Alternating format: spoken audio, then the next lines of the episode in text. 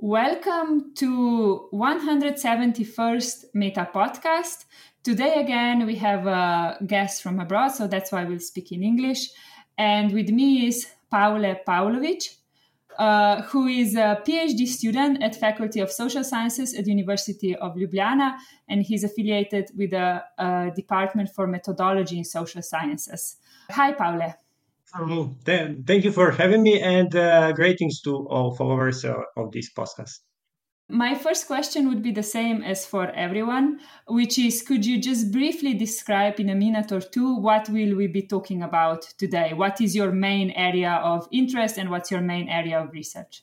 I'm dealing with the uh, the last AI ethics development uh, or AI technical development, uh, the last uh, AI so-called AI summer which started around 2010. And uh, I'm actually dealing with uh, the ethical issues of uh, this new AI hype, let's call it like that, or, or uh, how are ethics and values uh, distributed within one process, or how this in in the end is influencing also the ethics uh, and the development of ethics. This is the reason why I called my PhD Morphogenesis of Ethics within Hybrid Big Data Systems, because morphogenesis is a word that is related to the so-called creation of form. So I'm studying like creation of ethics in one process and how ethics is creation uh, in, is influencing that process.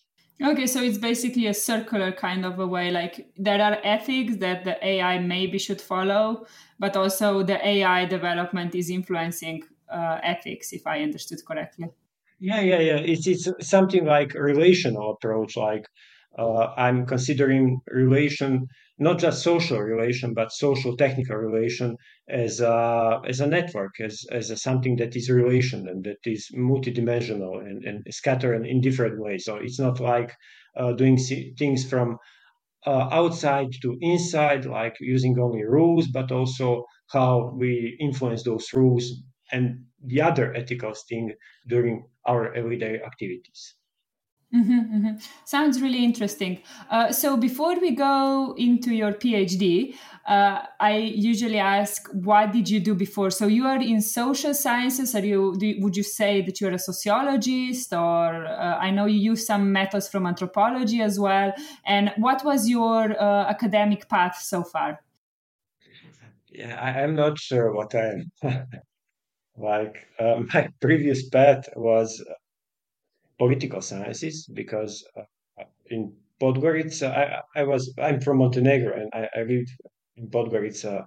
Uh, actually, I studied in Podgorica for almost uh, until yeah, until my PhD studies. So I have my master degree from Faculty of Political Science in Podgorica, and uh, uh, I'm not sure. Back then, I was a politicologist, and today, because uh, my interest is not only sociological, anthropological, it's not uh, technical, but it's related to humanities. So it's it's more uh, I don't know dispersed in different fields. But yes, it's let's say that the closest description is that it is sociological and anthropological because I'm using ethnography, but ethnography, let's say, it's the most prone to anthropology field.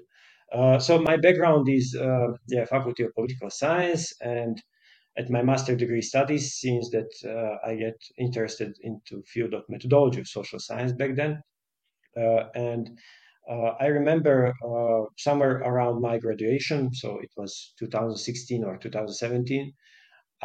there was a big hype around big data, so everybody was speaking about big data. That that was a new buzzword, and um, for me, uh, I was attracted with uh, one issue, and that is how can we skip from uh, social science research, big data research, or this big data framework, because those were were two totally different things uh, from all perspective. Because uh, social science is based on theory, big data is based on data so there is a lack of theory. So uh, logically, there are totally different, uh, uh, different approach. Like uh, one is uh, based on induction, the other is based on deduction.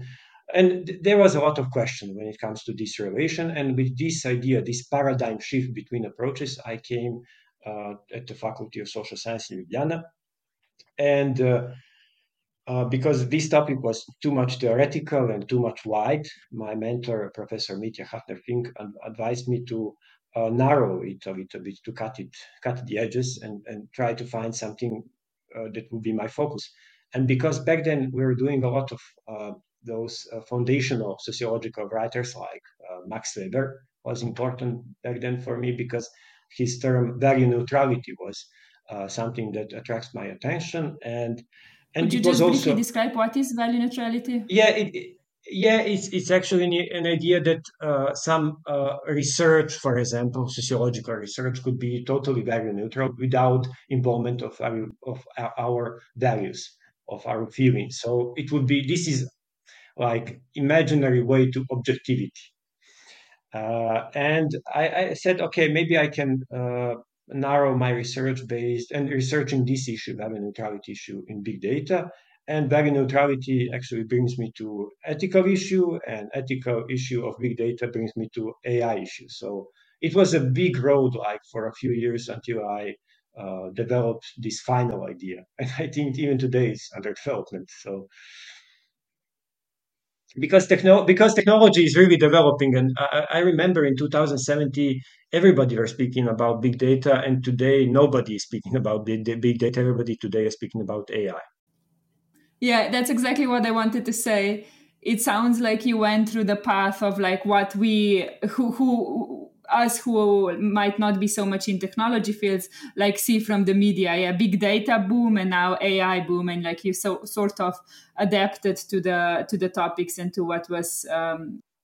yeah yeah yeah this is this is really this is really important because uh uh, based on support of my mentor and co-mentor, and of course the the uh, committee uh, on my uh, of my PhD disposition, uh, they allowed me that I made the, that I make this open research framework so I can adjust myself to the development of technology, this emerging technology. So Mm, that, that, that's fascinating. So, if we now uh, make a step back basically to the start of your PhD, you said you started with big data. I read through your disposition, and uh, it might be a naive question from me, uh, but like it seems that one of the obstacles might be when we see big data and AI as like through the eyes of uh, humanities or social sciences, is that this idea of big data and AI gives us that this is some kind of objective way of explaining world around us because it's based on data and on numbers and things. But these data and numbers as we know can be biased so what what what, what did you um, explore and what were your research questions? Yeah yeah this is one of the uh, yeah when big data was introduced so as i said everybody were speaking oh this is an objective way to see the world. Because it's uh, big data is mainly based on signals. Uh, and and it's not like uh, making survey or any kind of social science uh, collection of data because it's more let's say original. It's more uh, related to our daily activities. But uh, of course it's based on bias. There is a big bias like everybody of us have some kind of culture. We came from different societies. Uh, I don't know, uh, people in Slovenia uh, search different things on, on web and from people in, in Montenegro, I don't know. so there is a bias and it's it's not very neutral, it's not objective, but the uh, level of uh, background how these data are produced is totally different than uh, by now social science field or and something that we are using in social science. So, and um, so it's not objective as the first insight was. And you you got to the research question from from that right? I mean what did you what were you really you mentioned that from big data you went to ai and you included ethics. So what's the the main um yeah research question or the field? Yeah, th- th- there was there was actually uh, the, the the the research, the research question was the distribution of ethic, how are ethics and values dis- distributed within one process of creation of algorithms. So the general idea of my PhD is simple: to find uh, organization, institution, or laboratory where, where I will follow the uh, everyday people work, uh, especially making algorithm and then the further life of those algorithm, and to follow this this this whole process. Um, uh, generally, uh, when it comes to big data and generally the algorithms, uh, why this topic is relevant because uh, my approach is different from the, the, mainstream approach when it comes to ethics because currently we have this AI summer. So it's called AI summer. So there is a big expectation for technology development, from especially for artificial, artificial intelligence. I don't know. There is uh, big enthusiasm when it comes to uh, this technological development. And uh, based on previous lesson from the development of AI, after every summer there, there was AI winter because the expectations was too big. And one of the solutions that people are suggesting today is that we can done more ethics in the field of AI. So uh, my idea was to do ethical research but the main gap when it comes to ethic of AI is that uh, we have too much regulation, and those regulations are uh, people in laboratories, programmers do not read regulation. Like I was asking enough uh, programmers, uh, I asked enough programmers about do you uh, use any kind of uh, regulation? Did you read any kind of regulation? And I think that one less than 1% ask me positively. And then the problem is uh, that we need to skip maybe regulation and try to find another approach. So this is uh, my question was, and my inquiry was basic, like to research how ethics and values are distributed within one process. So it's more descriptive research and, uh, and related to this distribution of uh, any kind of value, any kind of ethics within one process. And if I understood correctly, the method you use, which is quite important for ex- exactly what you just explained, uh, how much people who are actually building algorithms, who might be collecting data, who are developers, so programmers, developers, maybe project managers in some kind of firms or research institutions that deal with development of AI and machine learning algorithms, um, how how much of ethics how, how much they think about ethics and uh, when they are developing this right? And you mentioned now the issues with whether they do read regulations or do not read regulations. And could you tell me more about how did you approach this topic? Did you go to the labs and just observe them? Yeah but only only one thing. Yeah only one thing. Uh, we usually do not think, think about ethics in our daily activity we don't i don't know the criminal i don't know the criminal law eh, but i'm not violating that law. So there is something in our everyday activity that is ethical but we are not aware of it. So uh, yeah especially because it's really um, ethic is a little bit conservative especially when uh, it's separating uh, thing, things like good from bad. Uh, some of our decision and our daily activities are bad but we learn from those bad activities and maybe we can behave better based on, on those bad, bad activities. So not our every our outcome is positive or good. So this is one of the really important part uh, uh, for this. And uh, i use ethnography as, as you as this is a method that i use in my research. And um, there was a funny story how i get to ethnography since that my background is when I was at Faculty of Political Science, mainly as a freshman in methodology, uh, you learn mainly about quantitative and qualitative methodology. So uh, ethnography was something that I know really a little bit about. Uh, but uh, and I was really struggling how to approach to this topic. Like uh, ethics is something that is so abstract. And um, as a, uh, when I get to Uganda, I worked in as a student in one factory and since that we were uh, doing at this first year of the study a lot of uh, these uh, foundational writers or sociologists, and one of them was, of course, Karl Marx.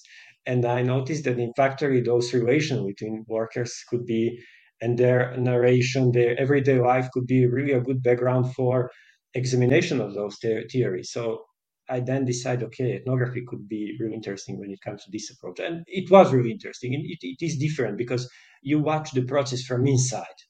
So it's not like um, getting data or making some interviews, but really some honest watching the whole process, honest.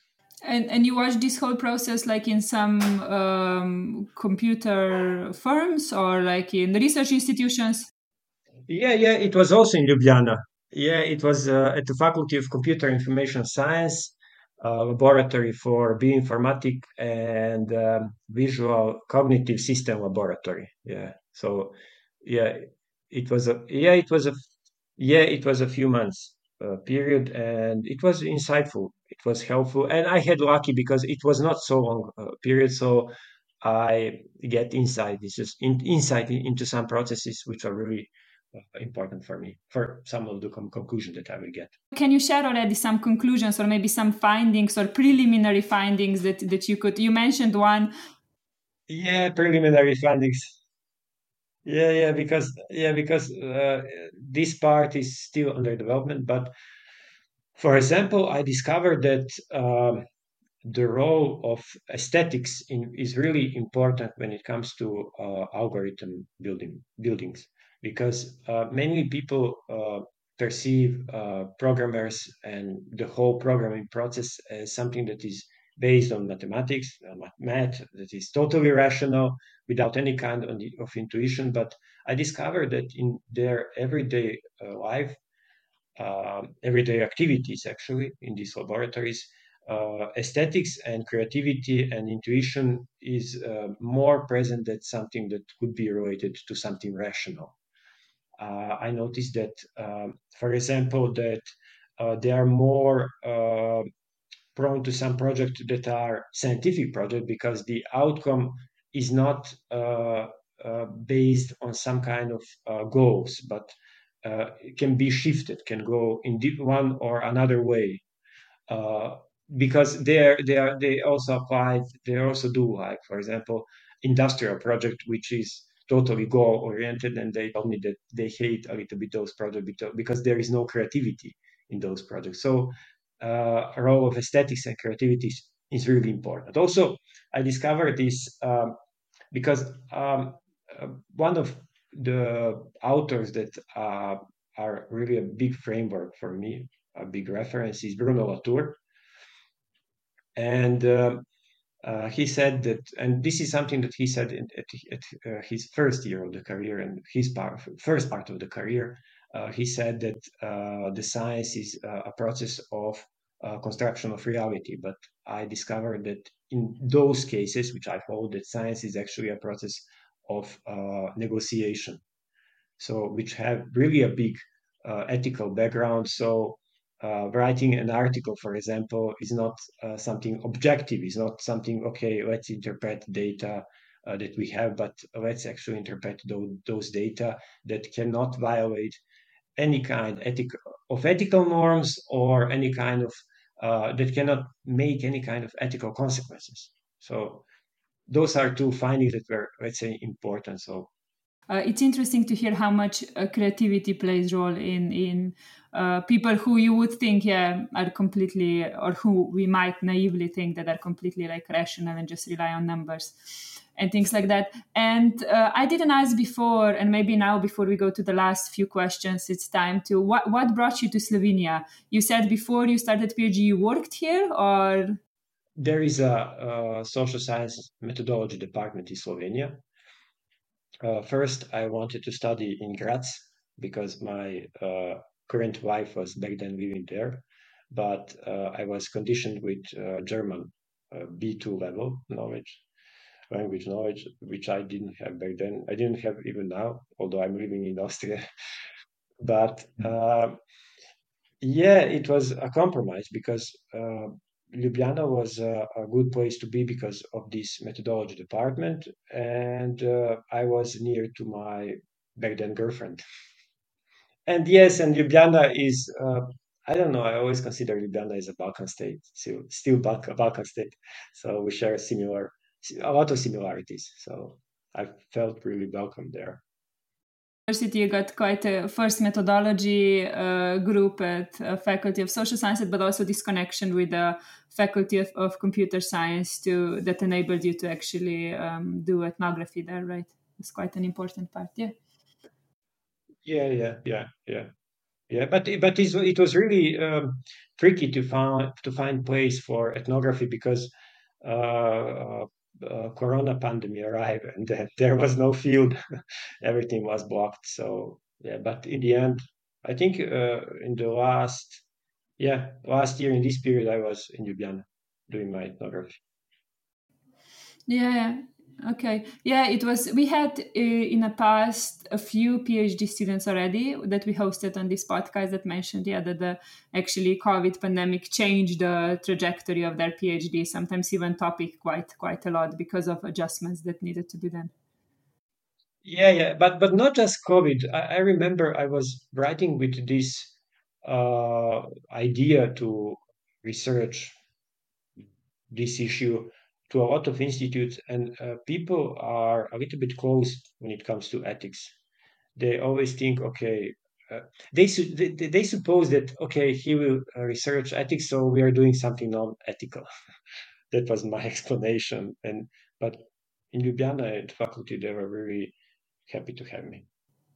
Okay, maybe just just because you said, I don't know if I'm gonna include this, but now I'm curious because I guess you're somebody who reads a lot about AI and ethics. Uh, you know everything that's happening now with wanting to create AGI, so artificial general intelligence, and all these things, and like how it's gonna either ruin the environment, or, uh, the the humanity, or save the humanity. I mean, a lot of uh, bombastic statements around this. But what do you think in terms of like uh, should ethics like what should change How, what what is the role of ethics in this whole um, discourse that we currently have about AI? Mm, I'm not sure, actually. I'm not sure because uh, uh, first of all, uh, those uh, issue based on the development of AI are really part of uh, big companies. So everything that I'm writing on will not touch them. So we can speak a lot of about ethics and I don't know develop a hundred of uh, regulation in some kind of form, but people behind big companies that are let's say the most influential when it comes to uh, AI will not read those rules. But I don't know. I'm I'm I'm uh, generally uh, a positive person, so I believe that the outcome will be somehow positive. That uh, whenever something bad happens, we can learn from those mistakes.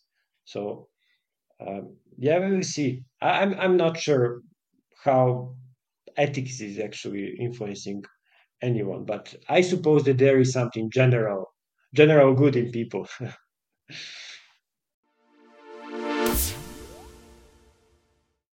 uh, any recommendation for book, game, movie website or a podcast? Yeah, I have a, a recommendation for uh, actually for uh, an author.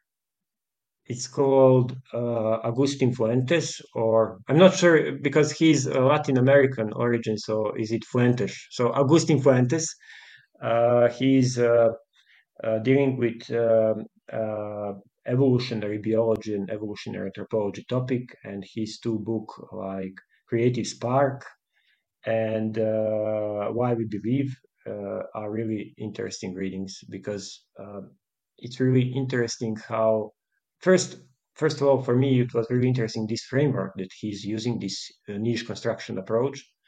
And uh, uh, of course how he managed to combine all this data from i don't know from 1 million years of range into one really nice story. So Agustin Fuentes. Who among us, known or unknown, would you invite to dinner if there were no restrictions? Uh, who would you spend the day with or go to dinner with, basically? Um, yeah, I went with my wife with all this question, through all this question, and uh, she made fun of this question. Like she told me, "Yeah, I know that you want to go with Sofia Vergara, but of course you're gonna say uh, Donna Haraway." So, Sofia Vergara and Donna Haraway. Beautiful and intellectual dinner. yeah, Donna Haraway, he's my hero. She's my hero, one of the heroes. So yeah, I really respect her work, and um, she's really inspirational. Suggestions for improving or updating the doctoral study? I don't have any general suggestion when it comes to doctoral study because uh, my experience when it comes to Ljubljana is really positive. Uh, generally on the educational system and how everything is organized. Because I remember I managed when I came in Ljubljana, I managed to do everything. Uh, I don't know my residence permission, my I found job, a regular job. I found uh, accommodation. What else? A tax number and everything is in one month. So generally, when it comes to system, is it's really good organized and especially educational system.